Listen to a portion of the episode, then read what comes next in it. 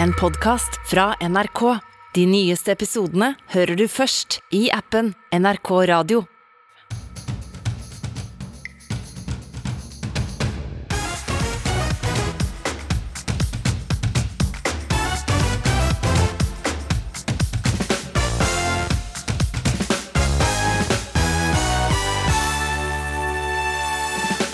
Ikke nok med at Jakob Ingebrigtsen ble skuffa, halve Norge ble skuffa over sølvmedaljen i VM. Det å vinne og det å tape skaper store følelser, også i familien til Solveig Kloppen. Vi er en familie hvor alle er dårlige tapere. Det blir dårlig stemning en, en liten stund. I går markerte hele Norge 22. juli-terroren. Hva har vi egentlig lært på disse elleve årene? Og hvalrossen Freia er på dannelsesreise og vil finne seg sjæl, mener marinbiologen vi skal snakke med. Og nordmenn de skulle lært av Freia, de, for eh, vi er nemlig de dårligste i Norden til å svømme. Vi har eh, sett hvalrossen Freia velte seg rundt i fritidsbåter og på brygger på begge sider av Oslofjorden i sommer. Og denne uka kom hun til hovedstaden. Mange har gjort det de kan for å komme nærmest mulig dette storslagne rovepattedyret. I går var det litt usikkert hvor Freia var, og reporter Ida Kloppen Gladitsjak, du er i Frognerkilen, der hun sist ble sett. Er det mange som er på utkikk etter henne? Akkurat nå er det veldig rolig her og lite tegn til Freia-jakt. Eh, og det står jo i kontrast til hvordan det har vært tidligere denne uken. For siden hun ankom Oslo, det, for under en uke siden, så har det vært eh, mye oppstyr eh, rundt hvalrossen Freia. Eh, det har vært mange som har tatt turen hit til Frognerkilen for å få liten, et lite glimt. Og vi har sett videosnutter av at hun angriper en svane, velter seg i, på fritidsbåter og har blitt spylt av, ned av politiet for å få henne vekk fra en brygge. Og det har til og med vært en livestream der du kan følge Freia i Oslofjorden. Du, og her ja, ja du, er, du, er, nå i eh, ferd med å dra ut på padletur i Oslofjorden med kajakkpadleren Eivind Wold, som eh, møtte Freia tidligere i uka? Ja, det stemmer. Han eh, skal fortelle meg om sitt møte med Freia. Og eh, om vi plutselig skulle få, få øye på Freia, så skal vi selvfølgelig følge Fiskeridirektoratet sin eh, oppfordring til å holde avstand og vise hensyn til eh, Freia. Men hvis dere kommer eh, over henne, da, hva gjør dere? Nei, da må vi jo prøve å i hvert fall holde ti meters avstand, som er oppfordringen fra Fiskeridirektoratet. Og så må dere jo, sånn som man jo skal. Så må dere jo ikke gi koordinatene heller, da, over hvor dere, hvor dere har sett henne? Nei, det skal vi selvfølgelig holde hemmelig. Da skal vi høre fra deg igjen senere i sendingen, Ida. Takk i denne omgang. Og like før klokka tolv i dag dro reporter Olav Døvik på jakt etter Freia sammen med Fiskeridirektoratet. Hør på dette. Nå er vi på vei eh, ut i Oslofjorden i en helt eh, gul båt fra Fiskeridirektoratet. Og vi jakter på Freia. Hun ble observert i går kveld eh, utenfor eh, Lysaker. Og nå er det kommet tips om at hun er et helt annet sted. Og Rolf Harald eh, Jensen, seksjonssjef i sjøtjenesten i Fiskeridirektoratet, hva er det dere ser etter? Nei, Vi ønsker jo å observere og følge hvordan eh, Freia oppfører seg i forhold til beite, beitevandring og hvilemønster, for å lære mer å kjenne om hennes bevegelser. Hva er det dere har fått tips om nå? Nei, vi fikk et tips i Bunnefjorden på en observasjon av Freia. Det viste seg å være en steinkobbe, så det var ikke hun. Hvor er du tror hun er nå, da?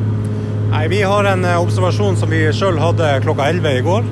Eh, som du sier utenfor Lysaker. Og vi ønsker nå å gå dit og eh, sjekke områdene og de nærliggende områdene rundt der. Hvorfor er dere ute og passer på Freia? Eh, Fiskeridirektoratet har et nasjonalt eh, ansvar for eh, sjøpattedyr. og Derfor har vi nå sendt Rind hit for å følge opp Freia. Og Det har jo vært mye medieomtale, og det skal jo ivaretas dyrevelferden til dette dyret òg. I tillegg til at man ønsker at publikum skal holde seg litt unna, sånn at dyret kan leve naturlig i, i sjø. Og hva er rådet til folk? Rådet er egentlig å holde god avstand. Det er et vilt dyr. Har, Ut ifra det, det, som vi observerer i går, så lever det godt. Det har god kondisjon, det har, tar til seg føde.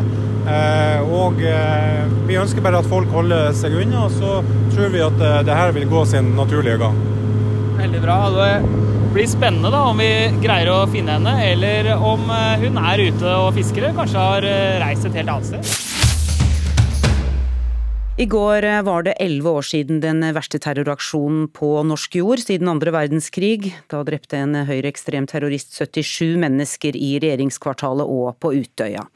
I dag er diskusjonen om holdninger, ytringer og terror dessverre høyaktuell igjen, etter 25.6 og angrepet mot det skeive miljøet.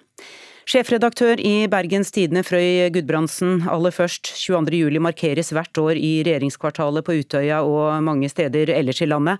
Hvorfor er det så viktig å markere denne dagen fortsatt?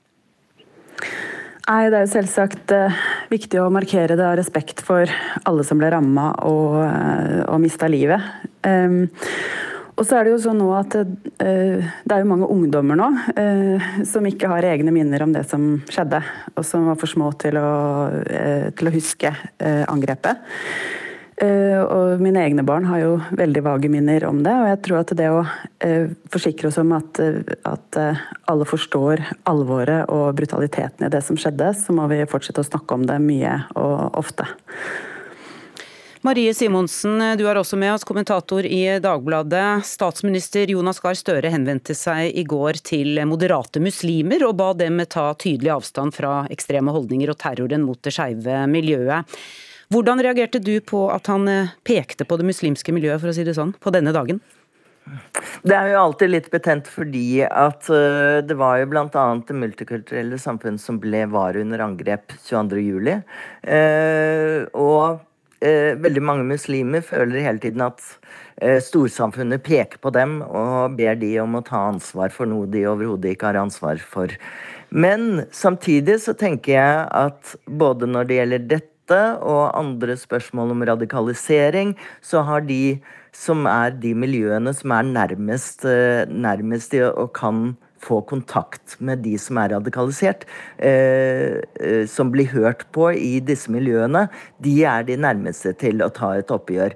Altså, jeg, jeg tviler på at eh, radikale muslimer leser mine kommentarer i Dagbladet og, og, følger mine råd om hva de bør gjøre, det, bør, eh, det er kanskje andre de hører på. Og det er litt sånn som i idretten, som har tatt eh, oppgjør med rasisme, f.eks. For eksempel, fordi at det er de som blir respektert og hørt på. Når Vålerenga og klanen tar et oppgjør med sine, sine fans, så blir de hørt på.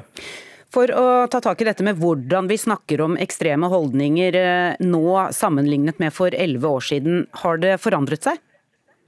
Det har forandret seg ekstremt. og og jeg mener jo at, at vi kom litt skjevt ut etter 22.07. Fordi at vi ble værende i denne rosetogstemningen. At det var et angrep på alle litt for lenge. AUF ønsket selv å ha et mer politisk oppgjør, snakke om hvilke politiske strømninger, ideologier, sette det inn i en norsk sammenheng. Det var det en voldsom motstand for. Eh, mot. I stedet så ble man liksom værende i, i, denne holdningen at dette hadde vært et angrep på alle. Men det var det jo ikke. Det var eh, et angrep på eh, AUF, på en bestemt politikk, på det multikulturelle samfunnet og innvandring. Så det var jo ikke sånn at det var et angrep på alle i Norge.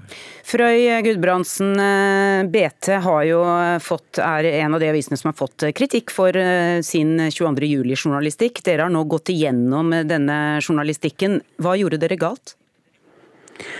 Vi har aldri gjort, det, gjort den gjennomgangen med, med, tanke på å finne feil, finne ut eh, en liste over ting som ble galt. Og vi har ikke gått gjennom enkeltbeslutninger for å peke på hva som er rett og hva som er galt. Vi har gjort det for å lære.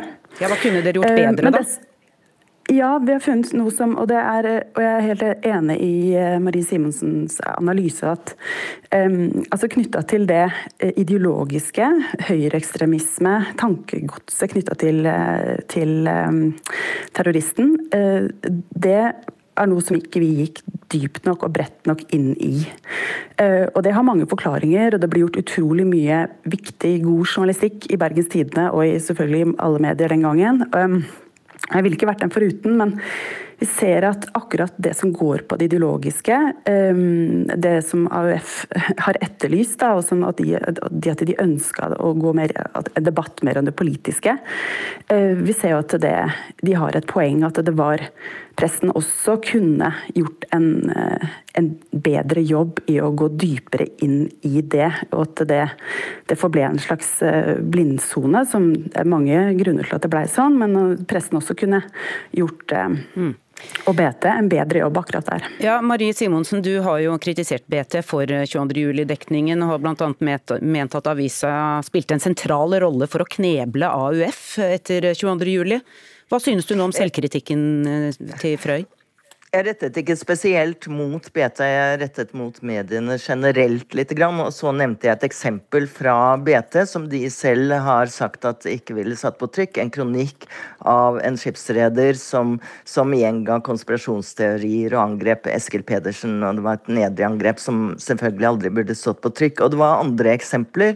DN på lederplass, Dagens Næringsliv, eh, ba, sa at AUF, de overlevende fra Utøya, hadde også et Men nå er jo ikke ideen her. Eh, for å, for å, gå tilbake til Frøy Gudbrandsens og BTs gjennomgang av uh, journalistikken sin etter 22.07. Hva konkret savner du i selvkritikken? Det jeg tenker på er at det er vanskelig å drive med slike evalueringer, fordi at journalistikk er ferskvare. Man kan ikke gå tilbake og se hva som var inni stemningen og uh, premissene for og konteksten for den dekningen som er blitt. Men jeg, men jeg tenker liksom generelt at det går an å se at mediene var uh, litt for raskt ute med å å sidestille nærmest eh, høyreekstreme stemmer og AUF som om de var likeverdige motparter. De sa at AUF-ere også måtte, måtte liksom dempe seg, de måtte ikke dra Utøya-kortet.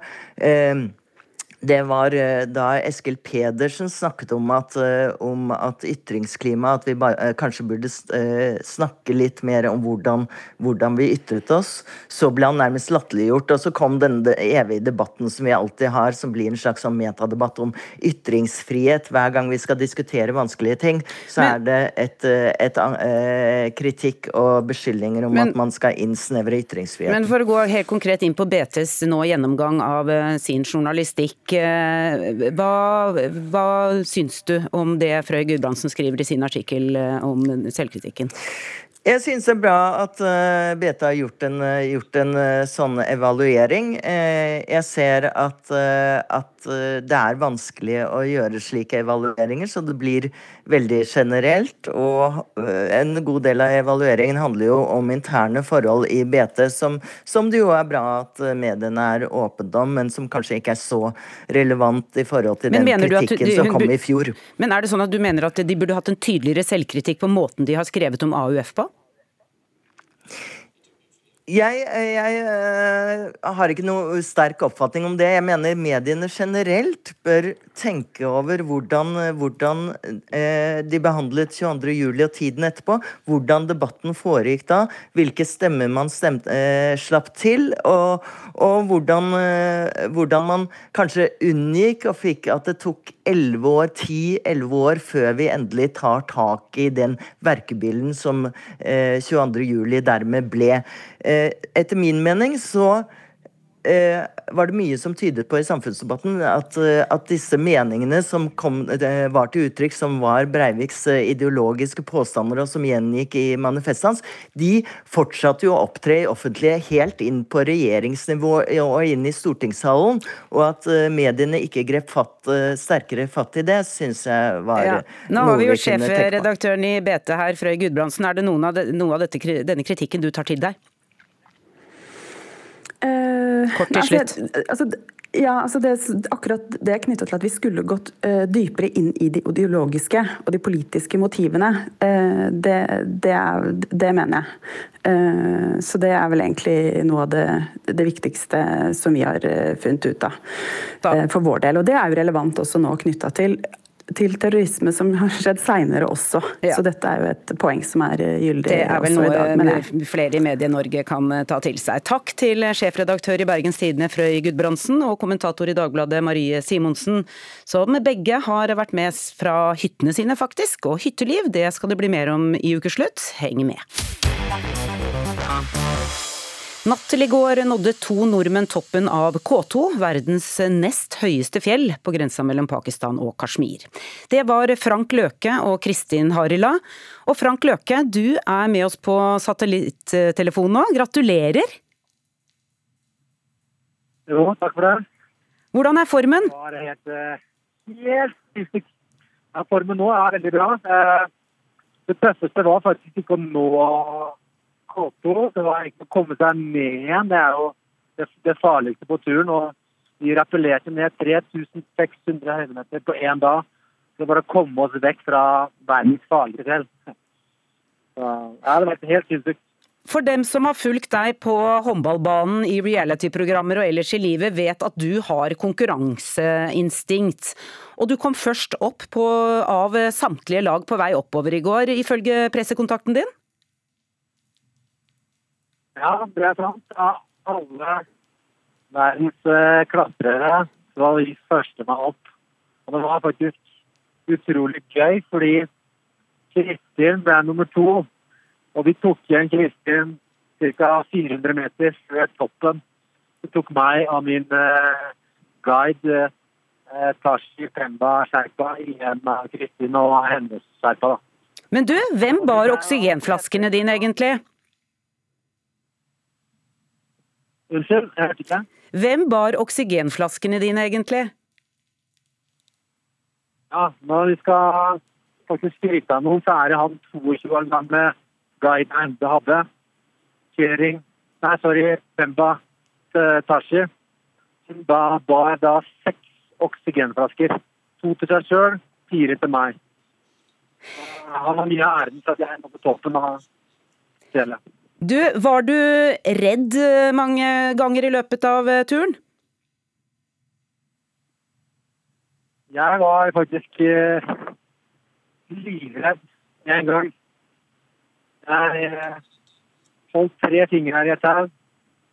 Og hadde jeg sluttet de tre fingrene, så hadde jeg ikke snakka med deg da. dag. hadde ikke vært for Tashi, så hadde ikke jeg levd i dag.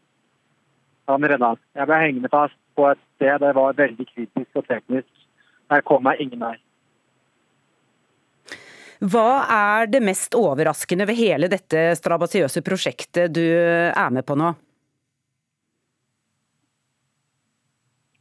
Eh, det mest overraskende er egentlig at eh, at eh, det var så tøft, rett og slett. Jeg visste det skulle være tøft, men lengden og ventinga. Du må på en måte være på hele tida. Selv om eh, du må vente, og når muligheten kommer, så må du være klar.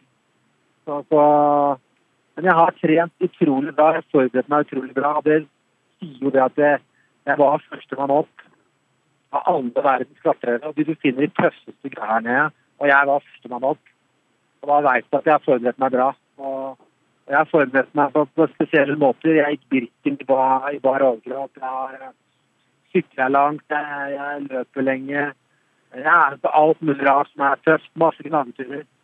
Ja, Frank Løke Forberedelsene var utrolig viktig for meg. det er til, til slutt, Frank Løke. Dette er ikke så ofte vi gjør uh, her i NRK, men uh, du skal få sende hjem en hilsen til uh, dine nære og kjære. Ja. Jeg vil gjerne hilse til hele Løke-familien. Barna mine Ada Edel. Og til uh, Helen, som har vært gode støttespillere hele veien. Alle sponsorer. Dere har stått med meg. Jeg er ikke A4. Jeg er ikke feilfri. Jeg har gjort masse feil. Tusen feil jeg har gjort. Uansett, jeg kommer alltid sterkere tilbake igjen. Tusen takk alle sammen. Dette er ikke slutten. Det er bare begynnelsen på noe større. Takk. Senere i sendingen skal vi diskutere norsk hyttekultur. I NRK-appen kan dere lyttere gå inn og si deres mening om hva som er det gode hyttelivet. Er det ei gammel hytte med utedo, brønn og tresnekke, eller er det et hyttepalass med jacuzzi, vinkjeller og cabincruiser? Gå inn i NRK-appen og svar, altså, så får du høre i slutten av sendingen hva Ukeslutts lyttere mener om den saken. Jakob Ingebrigtsen. Jacob Ingebrigtsen. Inger... Ingebrigtsen. Ingebrigtsen. Jakob Ingebrigtsen. Jacob Ingebrigtsen. Ingebrigtsen. Nei, det var ikke lett for amerikanerne NRK møtte på gata i Eugene i USA å si navnet på den norske VM-favoritten. Og så gikk det jo ikke helt veien for den norske favoritten heller, da, på banen eh, i finalen på 1500 meter denne uka. Whiteman slår til! Whiteman har en meter! Whiteman er enorm i denne finalen! Han spurte fra Jakob Ingebrigtsen! Brita vinner! Norsk sølv! Norsk sølv! 3.29,23! Fikk det omtrent som han ville, Jakob Ingebrigtsen. Men Jake Whiteman, han var for sterk. Rett og slett. Ja, han fikk bare sølvmedalje. Helt jævlig, sa han selv om den bragden, og sportskommentator Jan Petter Saltvedt, er det så ille å bare få sølv i VM? Det skal ikke være det. Vi lærer uh, våre unge håpefulle at man skal vinne og tape med samme sinn. Men er man Jakob Ingebrigtsen, så er ikke det å vinne sølv Og det, det er hans første VM-medalje noensinne, som han egentlig burde glede seg over. Men i hans hode så er én ting som gjelder, å vise at han er best i verden på den 1500-meteren, eller på alle 1500-metere, som han gjorde i OL i fjor. Og når han ikke klarer det, så er ikke prestasjonen der han vil den skal være. Da føles det for jævlig. Og da sier han det, eh, som sikkert virker eh, brutalt og lite takknemlig, eh, men som er en ærlighet som er ganske symptomatisk for hvordan han tenker. Men det var jo ikke bare han som følte dette sølvet som et lite nederlag, det gjorde vi jo egentlig alle sammen. Men du sier at det er egentlig ganske bra at vi følte det som et nederlag? Ja, vi har blitt bortskjemt av, av, norske prestasjoner. Jeg har akkurat kommet tilbake fra Italia. Satt på Sicilia, et helt sånn spartansk kjøkken. Hadde stått opp selv midt på natta, som hundretusener av nordmenn hadde gjort på de stedene vi alle har vært. Og mens vi venter på det som skal være en halvtime med to norske VM-gull, så avgjøres konkurransen i høyde for kvinner hvor en italiensk kvinne tar en bronsemedalje. Og den euforien, den gleden eh, som italienerne, som ikke er noen verken liten nasjon eller liten friidrettsnasjon, følte eh, der og da, den forbløffa meg, merka jeg. Eh, og jeg tenkte samtidig, uh, der jeg satt, stakkars dere som klarer å glede dere så mye over en VM-bronse satt litt på spissen. For vi er fra en nasjon som vinner gull. Eh, og Men, det skulle vi gjøre rett etterpå. Det har jo vært tider her i landet også hvor vi har vært ganske fornøyd med en bronse når det gjelder eh, friidrett. Hvordan har eh, den norske innstillingen til friidrett endra seg de siste åra? Det er jo Det har jo skjedd en, de siste ti årene fra egentlig Henrik Ingebrigtsen satte vel egentlig i gang. Han hadde et overraskende EM-gull for, for, ganske nøyaktig ti år siden. Hvor vi følte vi kunne begynne å endre den mentaliteten igjen, som vi ikke hadde kunnet gjøre siden, siden Vebjørn Rodal og de andre holdt på på 90-tallet, så har det skjedd noe. Og det er der vi har blitt bortskjemt. Og det er det jeg mener eh, på et vis driver disse prestasjonene. Den derre endringen av mentalitet. Vi har gjennom altfor mange år uh, hatt utøvere som har kommet til et mesterskap og sagt jeg fikk i hvert fall være med. Og den type uh, mentalitet det så man også uh, Jakob Ingebrigtsen, uh, tidligere trener, Gjert Ingebrigtsen, sa om sin nåværende elev Narve Nordås etter han hadde gått ut av 5000-meteren og sa han var glad for å komme seg i mål.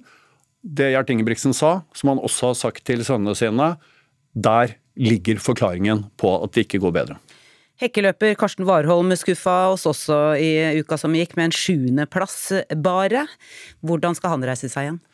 Jeg er helt sikker på at uh, Karsten Warholm, selv om han var veldig mye mer sjenerøs i sin måte å uttale seg etter dette nederlaget, og han har vært skada en stund, han hater like mye at det ikke ble seier i det tredje VM-et på rad. Han og trener Leif Olav Alnes kommer helt sikkert til å bruke dette som en motivasjon for å vise at de er eh, best, og den motivasjonen trenger jeg nå. Og den, eh, En motivasjon må også Jakob Ingebrigtsen ha på mandag. Da skal han løpe 5000 meter. Eh, hvordan kan han bruke denne skuffelsen fra 1500-meteren til å komme sterkere tilbake da? Sist han var i et VM, så hadde han to skuffelser da han trodde han skulle ta medaljer. Nå har han fått en ny en på litt høyere nivå. Den forrige skuffelsen brukte han til å vinne OL-gull. Nå er jeg helt sikker på at han bruker dette til å vinne et VM-gull så kan vi sitte og både juble og tenke på at det er ikke så verst å være bortskjemt og nordmann. Det skal eh, nå handle om hvalrossen Freia igjen, som vi, vi, har fulgt tett i sommer. Selv om hun både ødelegger, dreper og skremmer, så ser det ut til at mange er mer enn gjennomsnittlig begeistret for dette enorme dyret. Så populær er hun at VGTV har sendt Freia minutt for minutt. Og marinbiolog Pia V. Dalen, du har møtt henne. Hvem er Freia? Ja, du, det, jeg var en liten tur innom da jeg var på tur i Sarpsborg. Og Freia er en ung eh, hvalrosshoe som har vært på dannelsesreise sørover i Europa, og som nå har eh, funnet ut at Norge er eh, Det er deilig å være nordpolsk i Norge, kan man si det sånn. Tidligere i uka så, så vi Freia drepe en svane, og skal vi tro mediene var det jo like før hun spiste opp en gutt på padlebrett også. Han fikk seg i hvert fall en støkk i livet da han falt i vannet rett ved eh, Freia. Hva kunne ha skjedd? Det er jo ganske sketchy, egentlig. Det sånn at hun tok livet av svanen uten å spise den, det er sikkert bare fordi hun var på treningstur. Men disse her dyra spiser jo fort sel og kan til og med finne på å ta hvaler. Altså, man har observert hvaler som tar sel opp på 200 kg. Eh, så det kan hende hun bare var nysgjerrig på han som falt i vannet, men det kunne også ha gått gærent. Ja, hva, hva kunne ha gått gærent? Nei, hun kan jo rett og slett, Han kunne lidd samme skjebne som den svanen. Du har ikke sjans mot det der 600 kilos flesk og duppeberget som kommer mot deg. Der, sånn, for hun bor jo, hun lever jo hele livet sitt i vannet. Har mye mer kontroll på det enn det vi har. Så det kunne ha gått uheldig. Anne Brita Tore, du er eh, forsker på antrosologi, altså samspillet mellom dyr og mennesker. Og hvilke tanker gjør du deg når du ser alt oppstyret rundt Freia? Ja, for det første så ser jeg jo litt av sirkuseffekten. Altså her dukker det opp et dyr som til vanlig lever helt andre steder, som de færreste av oss har sett i, i levende live, og det svømmer rundt der vi oppholder oss og, og koser oss i sommervarmen. Det er liksom den første, den første tanken. Men, men så er det jo det som ligger litt dypere. Hva gjør i det hele tatt at vi blir så fascinert av dyr, og der ligger det nok noen grunnleggende nedarvede tendenser i, i mennesket fra, fra, tidenes morgen. Når, når, vi mennesker begynte å, å, knytte til oss dyr fordi at det rett og slett var, en, var grunnlag for vår overlevelse, sånn at jeg tenker at vi trekker trekkes. Vi trekkes mot dyr på veldig mange måter, og, når vi da får denne altså wow-effekten i tillegg, så, så, så, blir det jo veldig spektakulært, da. Ja, fortell litt hvordan dyr virker eh, på oss. Altså, eh, dyr har, eh, har, jo levd i et samspill med mennesker i, i tusener av år, som jeg sa. Og eh, vi har etter hvert en god del forskning på det som sier noe om at, det, at samvær med dyr virker avstressende. Interessant viser jo forskning at har du et dyr, et kjæledyr, katt, hund og lignende, så har du større sjanse for overlevelse etter hjerteinfarkt f.eks. Men også daglig stress. Vi har jo nå begynt å ta dyr inn i skolen for å dempe eksamensnerver, for å støtte støtte barn i leseprosess. Vi har eh, denne eh, effekten at dyr eh, altså hjelper oss til å skape kontakt med andre mennesker osv. Så, så ja. Mm. Pia Vedalen, folk tar selfier med Freia, klapper på henne, og det kan jo se ut som hun liker det også. Hva, hva tror du, gjør hun det?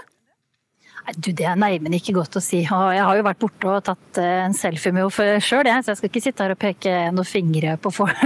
Men, men hvordan bør folk oppføre seg rundt hvalrosser? God avstand. Det er eh, altså det å ta en selfie på avstand med den, det fantastiske dyret her, sånn, det må jo altså Man kan jo ikke nekte folk det, men, men ha respekt for at det er et dyr som trenger ja, som man har snakka om tidligere, opptil 20 timer hviletid i løpet av et døgn. Det er ikke sånn som oss som insisterer på å ha 8-4-jobb. De trenger masse avslapning, eh, og de trenger jo rett og slett la være å bli stressa av en sånn hårløs apekatt med angst som skal springe rundt og være populær på Instagram.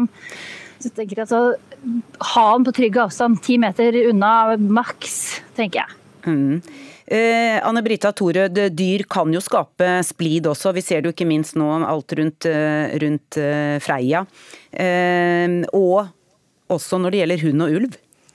Mm, ja, og eh, altså vi som driver med eh, dette med samspill mellom dyr og mennesker, vi må jo også ha respekt for at det er forskjellige måter å oppfatte dyr på. Noen har et veldig sånn nytteforhold til dyrene. I det feltet jeg driver med, som er bl.a. psykisk helse, så er, jo, så er det jo mye med dette et, dette gjensidige samspillet som også blir et sånt følelsesmessig samspill, som, som, er ganske viktig. Men også der så tenker jeg det er viktig å ha respekt for at Altså, Du kan ikke sette et dyr inn i, en, i et aldershjem uten å være trygg på at eh, det er komfortabelt både for dyr og menneskene som er der. Eh, du må ha respekt begge veier, og ikke minst så må du ha stor respekt for dyret og dyrets velferd. altså dyrevelferden i de samspillene vi holder på med, er ekstremt viktig, og der ligger vel kanskje også noe av denne, denne konflikten. Hvordan eh, Altså, vi skal ha levende ulvestammer, de skal få leve på egne premisser. Det er klart det kommer i konflikt med måten vi bl.a. driver sauedrift på osv. Her er det store politiske spørsmål som jeg tenker må, må løses. Mm. Eh, på ja. den måten, ja. Pia ved dalen Freia ødelegger båter og, og, ting hun eh, kommer over, og det har gått så langt at noen vil skyte henne. Hva syns du om det? Jeg syns det er så typisk nordmenn. Med en gang det kommer et eller annet nytt og spennende, så må vi skyte det fordi det er litt ubeleilig. Jeg syns det er helt fascinerende at vi bor i det landet. Altså det, vi har ikke dritt å være redd for, med kanskje unntak av fjesingen, som uh, gjør litt vondt. Og så skal vi da altså skyte et fantastisk eksotisk fleskeberg som bare er på tur her nede for å hjelpe oss med å kvitte oss med Stillehavsøstersproblematikken. Jeg skjønner jo at det er, det er lett for meg som ikke har båt i Oslo lenger, å si at jeg får bare flette båten din, da. Men, uh, Men hun bør jo ikke være her, hun skal jo være på Nordpolen. Ja, så bør og bør. Hvem er det som egentlig bestemmer hvor et dyr bør være? Så lenge hun trives og er sunn og frisk, så tenker jeg hun skal få lov til å være der hun føler for å være. Um, hadde hun, um, altså det er jo ikke første gangen den Hvalross er på en tur sørover. Og nå har hun tydeligvis bestemt at her er det plenty med mat og gode fake isberg å ligge på. Og det er jo ikke så mye isfjell igjen oppe i nord. Da må jeg takke dere marinbiolog Pia Vedalen og forsker på antrosologi Anne Brita Torød for at dere var med i Ukeslutt. Vi skal eh, tilbake til reporter Olav Døvik, som har vært på leting etter Freia sammen med Fiskeridirektoratet i dag, og for kort tid siden fant de den lubne, storvokste badegjesten i Oslofjorden et sted. Nå skjedde det. Vi eh, kjørte, kjørte og leita ganske lenge, og så kom det plutselig en båt og begynte å peke. og Hva var det vi så da? Ja, Da eh, så vi eh, Freya ligge i en, i en ribb og hvile og sove. Og den ribben ligger litt sånn på en bøye, så den ligger litt for seg sjøl. Men hva gjør dere videre nå? Nei, Nå har vi jo funnet og registrert at hun ligger, så vi kommer nå til å holde oss her og være til stede og sørge for at eh, publikum holder trygg avstand. Ja, hva skal folk gjøre? Nei, eh, Vi bare ønsker at de skal holde seg på trygg avstand, sånn at hun får hvile i fred. Eh, nå ligger hun i ro på den båten fram til hun antagelig skal ut og spise og beite litt senere. Hun bruker store deler av dagen til å slappe av. Hun er altså mellom 500 og 700 kilo, så den ribben så litt ødelagt ut. Hvordan tror du det går med den båten? Nei, altså Den eh, båten ser jeg jo eh, den har eh, skader. Den har antagelig punktert begge pontongene på den, så den må nok lappes før den kan, er sjødyktig igjen. Ja, sånn er det. Men eh, vi fant altså Freia som eh, da ligger og slapper av før hun skal ut og eh, spise litt seinere i dag, sikkert. Og det sa reporter Olav Døvik, som snakket med seksjonssjef i Fiskeridirektoratet, Rolf Harald Jensen. Helt jævlig. Dessverre. Det er dumt å si det, men eh, VM-sølv eh, Det er en eh, utrolig stor ting å oppnå, men eh, samtidig så blir jeg slått av folk som er dårligere enn meg, og det eh, Jeg er meg over meg sjøl, veldig. Nei, det har ikke helt gått veien for de norske idrettsheltene i mesterskap eh, de siste ukene. Men eh, hvorfor føles det egentlig så vondt å tape, og hvordan kan vi håndtere tap? Det har eh, vår reporter Sigrid Solheim Haugen undersøkt. Og du er også forsvar. Jeg spiser. Og du er midtbane. Nei, vi må ha to midtbaner. Blått lag på Fram Larvik sin fotballskole finpusser taktikken før kamp. Det viktigste er å delta, blir vi ofte fortalt. Men er det egentlig sant?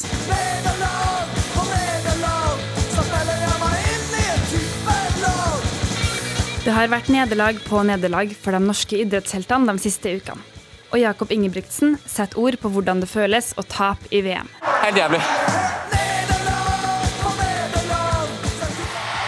Her kommer det sjuende. Her kommer vel Dalton, tenker jeg. Landslaget fikk hjelp av Norges fremste idrettspsykolog til langt på natt. Følelsen av tap er noe alle kan kjenne seg igjen i. Og fotballskoleelev Marius forteller hvordan han opplever det. Føler meg litt dårlig og sånn. og Begynner noen ganger litt sur og sånn. Men hvorfor gjør det egentlig så vondt å tape? Mental trener og idrettspsykologisk rådgiver Karina Andersen Aas har svaret. Så når vi taper, så er det mange sterke følelser i, i, i sving. Eh, Alt fra sorg, frykt, sinne, eh, frustrasjon og skam. Og det er jo helt naturlige følelser. Men de er ubehagelige, og de er, de er krevende å stå i. Eh, Og det gjør så vondt at når vi kjenner på skam, da, så aktiveres den samme delen i hjernen som faktisk ved fysisk eh, smerte. Å tape kan man altså kjenne på hele kroppen. Men før resultatet er avgjort, er det konkurranseinstinktet vårt som driver oss. Så konkurranseinstinktet vårt det, kommer jo fra dette primitive, grunnleggende ønsket om å være sterk. Og det har jo også med overlevelse å gjøre. Den, altså den sterkestes rett. da. Så ikke bli ramma av skam og oppleve det her mindreverdet. Eh, Men hva som trigger konkurranseinstinktet hos oss, det kan være forskjellig.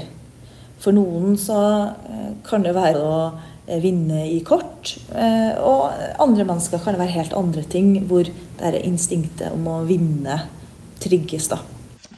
Ok, vil du vite hva stillingen er? Programleder Solveig Kloppen er definitivt en av dem som lar konkurranseinstinktet trigges av kortspill. Hun har tatt lydopptak til ukeslutt fra familiens sommerferie på hytta i Austevoll. Hytteturen er i utgangspunktet en hyggelig affære, men på kveldene blir den gode stemninga satt i fare av kortspillet Spar dame. Da spiller vi til 400. 400. Ja, 300. er 400 fint. taper med bade i kveld. Nei. Jo. Nei. Jo. Nei. Jo. Nei. Det var jo dealen. Nei. Vi er en familie hvor alle er dårlige tapere. Eh, og to er veldig dårlige vinnere i tillegg. Så det blir dårlig stemning en, en liten stund. Altså Særlig jeg. Jeg er kanskje den aller dårligste taperen. Det er dumt når du er voksen. Det er greit, det er, det er greit når du er barn. Men eh, når du er 51 år, så bør du jo klare å skjerpe deg, liksom. Men der og da så føles det eh, viktig. Og det føles ofte urettferdig. Sant? Det er det. At jeg, eh, kjenner at jeg både er irritert på meg selv for at jeg ikke spilte den kløvertoa, men også at eh, ikke sitt og hover. Du vet at du er ikke noe bedre enn meg i Spardam. Det er ikke det det handler om. Det var bare uflaks her nå. Kloppen snakker om mannen sin Kjartan, som hun mener er en dårlig vinner.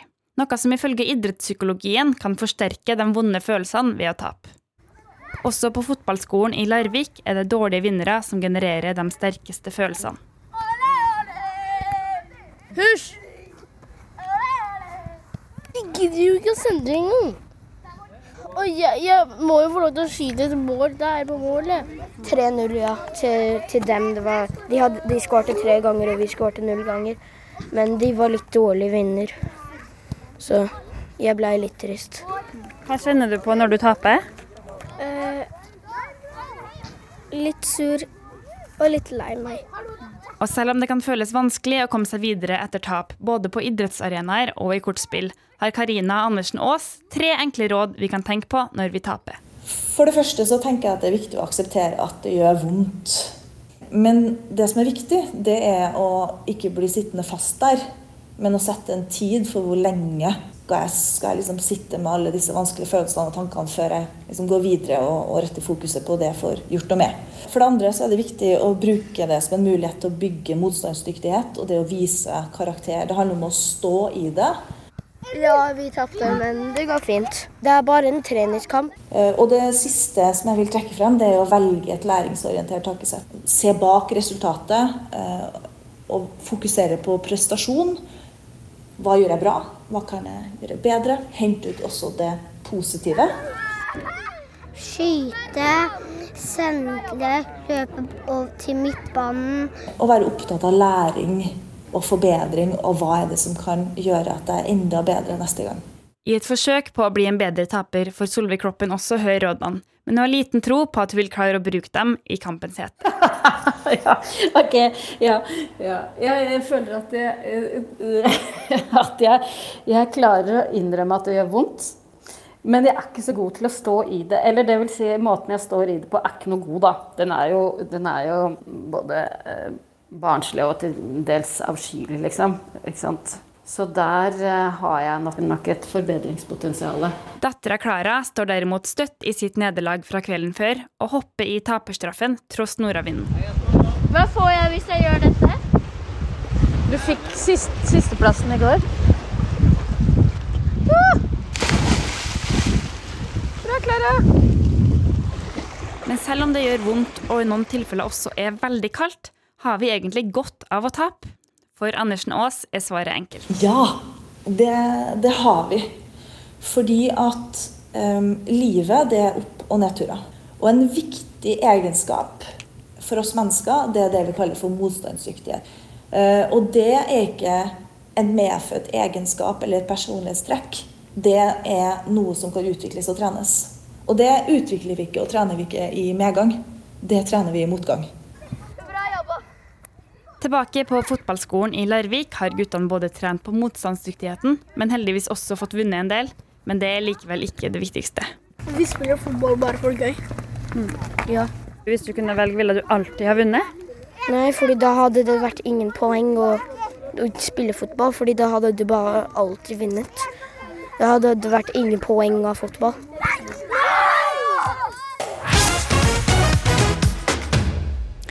Ville du helst tilbrakt eh, sommeren på ei gammel hytte med utedo, egen brønn og tresnekke?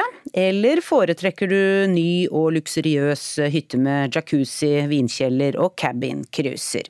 Folks hyttedrømmer er som baken den, den er delt. Og Eivind Tredal, politiker i Miljøpartiet De Grønne i Oslo, du kaller den norske hyttekulturen for eh, parodi på nyrikdom. Hyttene er blitt palasser med luksus som badestamper, flombelysning og hurtiggående cabincruisere. Ja, altså Hovedutfordringa med den uh, hyttekulturen vi har fått nå, er jo at det krever veldig mye mer plass. Uh, det bygges ned mye mer natur, uh, og det innebærer mye mer energiforbruk. Og det er det mange som har fått føle på lommeboka nå de siste månedene, når strømprisene har vært høye, at det plutselig har blitt mye dyrere å ha strømslukende hytter.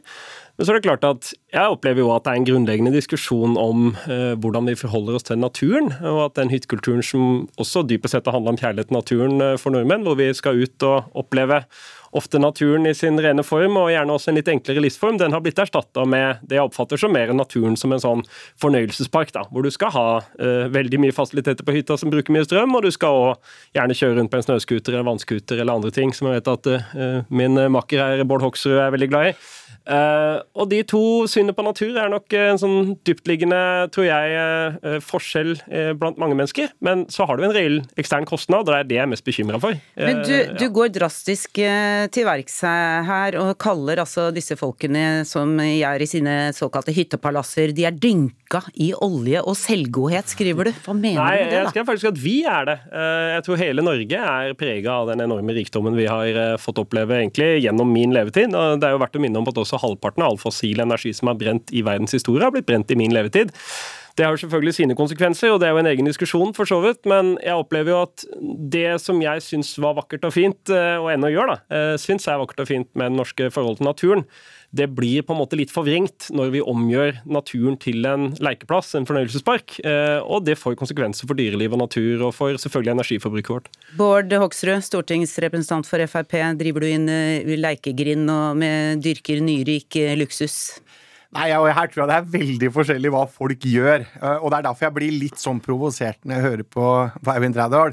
Fordi han på mange måter lager et sånn inntrykk at alle skal ha dårlig samvittighet hvis man har liksom en litt finere hytte eller litt finere båt. Og det syns jeg ikke folk skal ha. Jeg syns de skal få lov til det. Det er mangfoldet.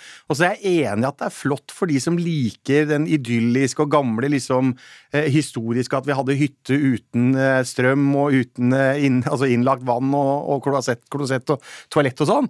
Det er stor, syns jeg er kjempeflott for de som ønsker best, det. Nei, jeg liker definitivt ikke det. Jeg syns det er ålreit at det både er eh, strøm og innlagt strøm, og at det er vann og det er, eh, det er de tinga der. Men det får være helt opp til den enkelte. Men jeg syns ikke man skal ha dårlig samvittighet. Altså, det, dette er litt sånn, Jeg opplever litt sånn sosialisme og litt sånn vi bestemmer og vi skal styre, og du skal ikke få lov til dette, og så skal du ha skam, og du skal ha dårlig samvittighet hvis ikke du gjør sånn som eh, MDG og andre mener at du skal gjøre det. Og det er jeg er helt uenig i. Fordi jeg mener at mangfoldet Det skal være lov å ha en flott hytte. Det skal være lov å ha en hytte som du ikke har strøm og innlagt vann osv. Ja, og noen lever jo faktisk ganske nøysomme liv eh, ellers Mm. i hverdagen, eh, Tredal, men, eh, men har velutstyrte hytter. Hva er umoralsk eller miljøfiendtlig ved det? Nei, altså Miljøkonsekvensene, som jeg syns er viktigst, er jo ganske store i Norge. Vi har jo tredobla strømforbruket på hyttene våre de siste 30 åra. Vi har vi bygger 6000 nye hytter i året, som også krever veier og mer strøm. ikke sant? Så må vi da eventuelt bygge ned mer natur for å produsere mer strøm. ikke sant? Vi snakker vel om firegangeren den strømmen vi bruker på elbiler. Det bruker vi på hyttene våre. Så det er klart at i sum så betyr jo det at, man, at det har svære natur- og klimakonsekvenser. Og jeg tenker jo at når man på en måte eh, bare sier alle må få lov til å gjøre som de vil, det, det, det kan man godt si, men hvis summen av det blir at den naturen vi er glad i, eh, som vi veit er på tilbakegang, altså nå er det bare 11,5 omtrent av norsk natur som regnes som urørt, da frykter jo jeg at vi på en måte vår kjærlighet til naturen dreper naturen. Da. Altså, vi blir så glad i den at vi klemmer den i hjel, for vi skal alle sammen komme oss ut med en uh, bil med firehjulsdrift opp til parkeringsplassen med hytta og, og, og brenne mye strøm. Da tror jeg dessverre at vi ender opp med å miste mye av det vi er glad i. Da. Og det er min bekymring. Er det ikke nå vi skal mate, nei, mane til eh, moderasjon, Hoksrud? Nei, ja, men, men poenget er jo at det er ganske strenge reguleringer for å få lov å bygge i dag. Altså Hvis du skal bygge en ny hytte i dag, så er det ganske mange strenge reguleringer for å gjøre det. Og så er det jo sånn at man ønsker et grønt skifte, man har ønska at folk skal kjøpe elbil osv. Det betyr jo at en del faktisk også er avhengig av å ha strøm på den hytta for å kunne eh, f.eks. lade bilen sin, for å kunne komme seg tilbake. Og det er jo ikke sånn at selv om man legger inn strøm eh, og får vann og toalett eh, på hytta, så betyr jo ikke det at man liksom har et palass på mange hundre kvadratmeter. De fleste har en helt normal, eh, rimelig standard, men de ønsker at dette er ferien deres. De bruker mye tid der, og ønsker at det skal være litt ålreit. Så Jeg har tror liksom- kanskje de ønsker også at naturen skal være best mulig, Tredal, Mm. på hyttene sine. Ja, og det er jo ofte det, Innenfor miljøfilosofien så snakker man jo ofte om allmenningens tragedie. At uh, ingen enkeltpersoner gjør egentlig noe gærent, men summen av det vi gjør, får dårlige konsekvenser. Og det er nok det jeg tror vi ser når vi har så svær og massiv hytteutbygging vi har. Og det er jo en kjensgjerning at størrelsen på hyttene har økt massivt de siste uh, 10-20 åra. I tillegg til den standarden vi har på dem. Sånn at uh, jeg vil Hva må må si til for å stanse denne utviklingen, da? det krever jo politikk, mener jeg, både nasjonalt og lokalt. At man har enda strengere regler både for eh, størrelse på omfanget på nye hyttebyggefelt og sånne ting. Og så tror jeg vi må stikke fingeren i jorda og si at hvis vi alle skal nyte godt av naturen, så må vi alle klare å begrense oss litt. ikke sant? Vi plukker med oss søpla, vi følger noen allmenne kjøreregler, men det må også gjelde for måten vi bygger ned naturen på, og måten vi oppholder oss i den på. Det, hyttene våre er jo på en måte et sted hvor vi bl.a. dyrker kjernen til naturen, og den føler jeg nå har blitt uh, bikka over i en skadelig, eh, et, et, et skadelig nivå, da, kan man si. Men jeg, jeg er jo veldig enig, og jeg tror at de aller fleste er jo enig i at man ønsker jo ikke å ødelegge naturen, for det er jo derfor man ønsker å ha den hytta. Men er du også enig i at vi må begrense oss nå? Nei, jeg, jeg mener at det fins muligheter til å kunne gjøre ting forskjellig. Det går an å få til kombinasjoner her. Og jeg må jo liksom spørre litt tilbake, da, fordi jeg hører en del av de som er liksom veldig sånn nå skal vi regulere, og nå skal vi begrense, og nå skal vi gjøre det vanskelig osv.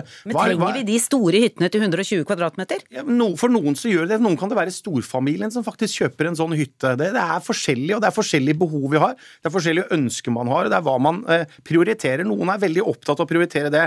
Men jeg syns at liksom det MDG og andre av disse som liksom sier at nei, nå skal man ikke da. noe Jeg vet jo at eh, Trædal sjøl har hytte. Det er jo noe med at andre nye hytte, at helt vanlige folk også skal få muligheten til å få hytte. Og hvis du tar for mye begrensninger, så blir det at vanlige folk ikke har råd til å kjøpe en Du har tilgang til en, eh, det du kaller enkel familiehytte med strøm, selv om det ikke er din. Ja da, og det skal sies at det er en viktig problemstilling som eh, Hoksrud tar opp der. At du skal ikke være sånn at folk som allerede har hytte skal trekke opp stigen og si at nå er det nok. Så jeg mener jo at det er viktig å finne ut både hvordan man kan sikre tilgang til naturen for flere på en bærekraftig måte, som ikke bygger ned for mye natur, og også kanskje at vi klarer å dele mer på de hyttene vi har. MDG har f.eks. foreslått at folk som har hytte kan få skattefradrag for å leie den ut mer. Sånn at du finner måter å sørge for at flere får tilgang til naturen, for ingen er jo på hytta hele tida.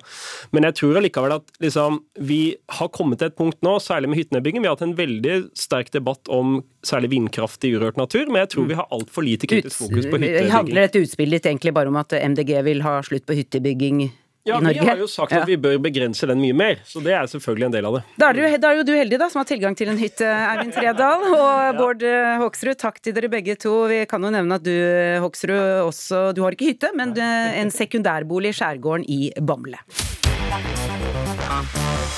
Vinjerock skal det handle om nå, og denne festivalen er nå godt i gang med sin siste dag. Fjellfestivalen i Jotunheimen er eh, mer enn bare musikkfestival. Her er det også fokus på bærekraft. Og reporter eh, Mariam Eltevåg Cissé, du eh, er der, og du er nå på reparasjonsstua. Hva er det som foregår der? Ja, altså jeg har beveget meg inn i en stor lavvo som de har her. og Her kan du da komme og fikse og lære og fikse turklær da, som er ødelagt, sånn at du slipper å kjøpe nytt. Og her inne så traff jeg på eh, Sofie Saltskår. Eh, du har, hva er det du trenger å få fiksa i dag? Ja, jeg har da spjæret buksen min, så jeg har et hull som jeg må prøve å få fikset. Skulle ta på meg buksen eh, i går, og så var det et stort hull der, så ja. Så revner han, rett og slett. Eh, men du, eh, hva Altså, skal du prøve å få fiksa det Vil du lære å fikse hullet sjøl, eller tenker du at du vil overlate det til de som kan det? Det letteste er jo bare å overlate det til de, da. Eh, jeg er ikke så flink med symaskiner. Men for eh, fremtiden sin del, da hadde det vært greit å lært seg det, da, tenker jeg. Kan jo bare nevne det at Nå sitter vi her med symaskin på symaskin, og det er masse tråder og sakser og lim og noe tang, så det er jo noe utstyr her, i hvert fall. Um, og jeg har jo snakka med litt flere folk her som eh, har tatt med seg ødelagte ting for å få fiksa det her. Hva tenker du om at du kan få fiksa ting her oppe? Jeg syns det er helt fantastisk. Det digger uh, muligheten. og De tilbyr dette her, da. Det er jo Altså, alle festivaler burde startet opp dette her, altså. Da håper vi du får fiksa hullet i buksa, og så får vi holde koken siste dagen på festival her i Jotunheimen. Anser du deg selv for å være svømmedyktig? Ja, det gjør jeg absolutt. Nei. Jeg kan svømme for å overleve, men eh, jeg kan ikke svømme fort. Det er altfor langt å svømme fort. ja, det gjør jeg. Den kom kjapt. Ja. Hvis jeg ba deg om å svømme 200 meter eh, her borte, hadde du klart det da? I ett strekk? Ja, men det hadde vært tungt. Altså, jeg, jeg klarer ikke å forestille meg hvor langt 200 meter er helt. Jeg. Jeg veit da faen, jeg hadde klart det. Ja? Jeg hadde ikke drukna. Det er jo badevakter her i verste fall. Altså. Hadde du klart 200 meter? Jeg hadde klart eh, mer enn det, ja. Kanskje, ja. Kanskje. ja, det hadde jeg klart. Det sto om liv og død, så ja, sikkert. Jeg var kanskje litt cocky da jeg sa at jeg var svømmedyktig, men eh, jeg hadde nok klart det. Men jeg har blitt sliten. Ja.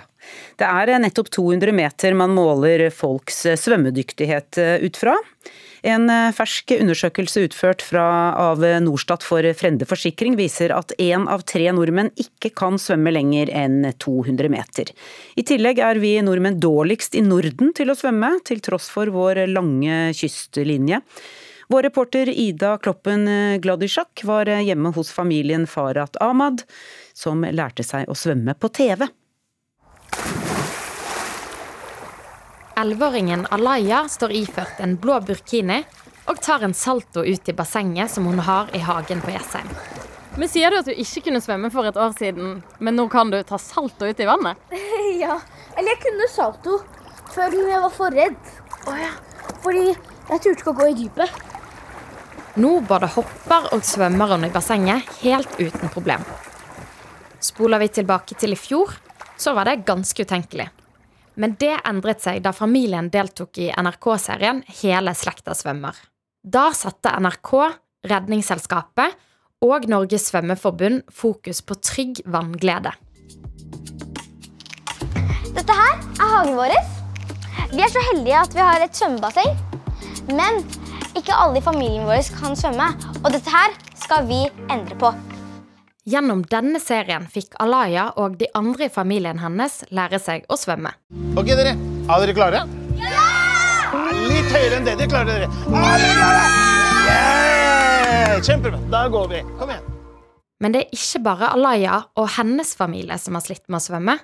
Det sier Tanja Krangnes, som er fagsjef for drukningsforebygging i Redningsselskapet. Vi ligger faktisk dårligst an i Norden, både når det gjelder svømmeferdigheter blant barn og blant voksne. En fersk undersøkelse gjort av Norstat for Frende Forsikring viser at én av tre nordmenn ikke klarer å svømme lenger enn 200 meter. Og 200 meter det er minstekravet for å kunne kalle seg svømmedyktig. Tilbake hos familien på Jessheim. Der sitter moren til Alaya, Farhat Anjum, ved bassengkanten og plasker med hendene i vannet. Hun lærte seg også å svømme gjennom NRK-serien. Vi lærer så lenge vi lever. Noe nytt hver dag er spennende. For Farhat var de små barna hennes en viktig motivasjon for å lære seg å svømme. Hvis noe skulle ha skjedd, så er det ikke sikkert jeg kunne ha reddet dem. Så tenker jeg at nå må de gjøre det. Dette må de gjøre. Men hvordan er det i dag? Føler hun seg trygg på at hun kunne reddet barna sine dersom en drukning skulle oppstå? Akkurat i dette, i dette bassenget her, så er jeg veldig mm, Jeg er kjent med det bassenget, jeg har brukt det veldig mange ganger. Det skremmer meg ikke like mye som det gjorde tidligere. Så om det hadde skjedd et, hvis, hvis jeg hadde sett et barn her oppe, så hadde jeg jo selvfølgelig hoppet inn med en gang, og selv på dypt grunn, for å hente barna opp, da. Men uh, å være ute i havet eller ved sjøen, uh, det er en annen sak. Tanja Krangnes i Redningsselskapet oppfordrer alle som er vant med basseng, til å også teste ut svømmeferdighetene sine på sjøen. Ja, absolutt. For det er jo veldig stor forskjell på å kunne svømme 200 meter i et oppvarma basseng, og utendørs er vannet kaldere, og du har strøm og bølger og helt andre forhold enn innendørs. da. Så det kan være en, en, fin aktivitet nå i sommer, men husk da på å bade sammen med andre, og svøm gjerne langs land i stedet for rett utover. Farhat er usikker på om hun klarer å svømme 200 meter helt enda som jo er det man må klare for å kunne kalle seg svømmedyktig.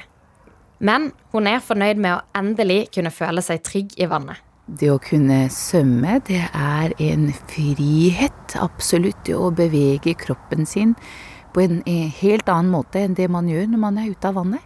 Det er en befrielse i seg selv, og det er en mulighet eh, som de fleste, eller alle, burde ta i bruk. Ukeslutt er eh, over for denne lørdagen. Ansvarlig for sendingen var Magnus Bratten. Teknisk ansvarlig Frode Thorshaug, og her i studio Kari Ørstavik.